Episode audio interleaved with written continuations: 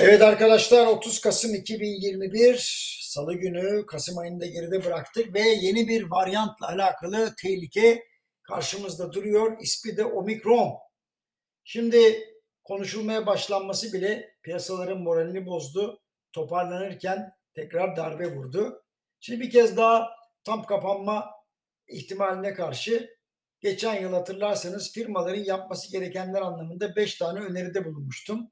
Şimdiki tehlike yeni ve net. Neydi İngilizcesi? Clear and present danger. Şimdi 5 tane madde var. Bu 5 maddeyi sizinle paylaşacağım. Başlıyorum. Bir kere bir, paydaşlarla ortak akıl yaratın. Niye bunu söylüyorum? Şu ana kadar şirketlerin çözemedikleri kırılganlıkları giderme ve doğru işin ne olduğunu bulma aşamasını yaşamaları gerekiyor. Bir başka deyişle yönetişim diyoruz biz buna. Bu aşamada müşteriler, tedarikçiler, çalışanlar ve iş ortaklarıyla teması güçlendirmek, doğru bilgiyle doğru algının ne olduğunu bir kere toparlamak lazım.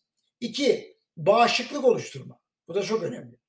Yani şirketlerin nakit akış problemi var, tedarikteki aksaklıkları var, satış, tahsilat, pazarlamada eksikleri var. Nihayetinde yeni bir salgında uzun süre kapanma ihtimaliyle tutulur hale gelirse firmanın yaşamasını sağlayacak restorasyonun sağlanması gerekiyor. Aksi takdirde işimiz zor. Onu söyleyeyim size. Üç, işe dönüşün planlanması. Geri dönüş bu.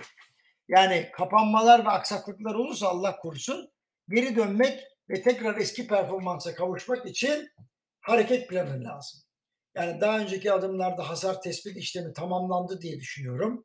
Gerekli tamirat başlamış diye düşünüyorum.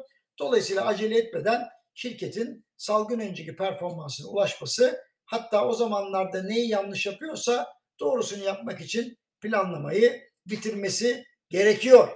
Şimdi yeni normali keşfetmek çok banal bir şey. Biliyorum yeni normal lafı ama yapacak bir şey yok. E, bundan sonra işlerin hem şirket özelinde hem de rakipler özelinde nasıl yapılacağını tahmin etmek.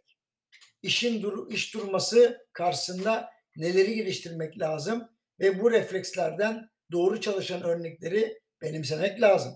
Pandemideki alışkanlıklar ve iş yapma tarzlarının ne kadarının kalıcı olacağını tahmin etmek ve ona göre hazırlık yapmak gerekiyor. Ve son adım reform.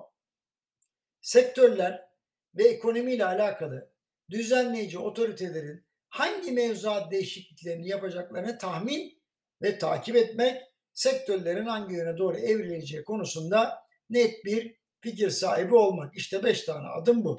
Tekrar ediyorum. Bir, paydaşlarla ortak akıl yaratma. iki bağışıklık oluşturma. Üç, işe geri dönüşüm planlanması.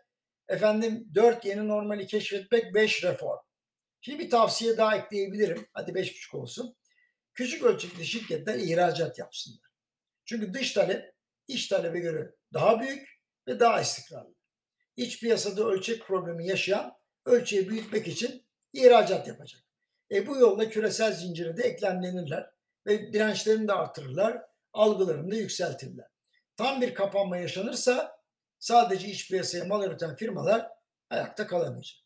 Dolayısıyla şunu da bilin, olmazsa olmaz bazı mal ve hizmetleri üretenler bile risk altında.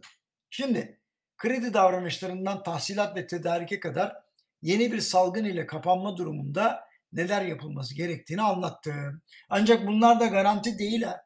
Soğukkanlı olmak ve insan kaynağının gelişmesine ve dijitalleşmeye inanmak gerekiyor. Efendim hepinize yarın görüşmek üzere. Hoşçakalın.